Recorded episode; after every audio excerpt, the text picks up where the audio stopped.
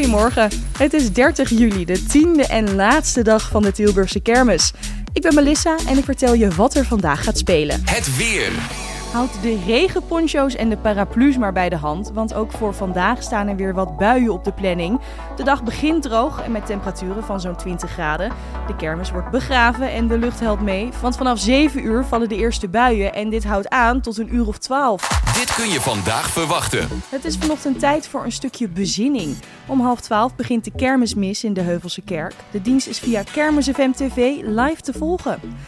Om 12 uur blikt de kermiswethouder terug op 10 dagen Tilburgse kermis.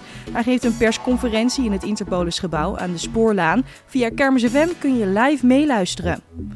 Vanaf half tien loopt er een begrafenisstoet via het Piusplein richting de kop van de Piushaven, waar de kermis traditioneel wordt afgesloten met een vuurwerkspektakel.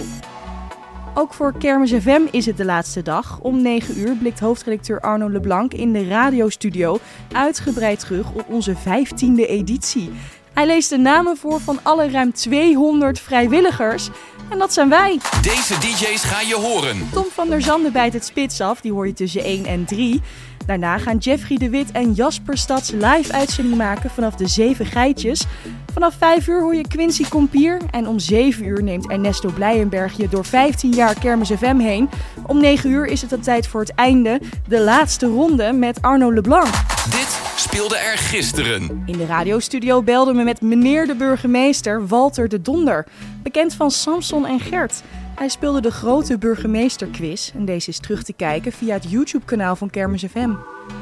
De Joker op de heuvel draaide weer. De boosterattractie ging donderdag dicht en werd vrijdagavond pas weer geopend. De attractie kampte met een kapot onderdeel dat opgehaald moest worden in Groningen.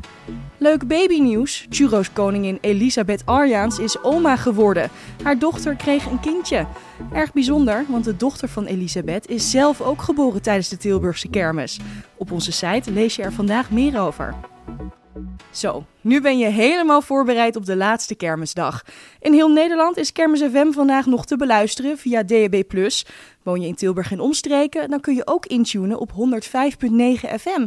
En natuurlijk zijn we er ook 24-7 via onze website en app. Houdoe!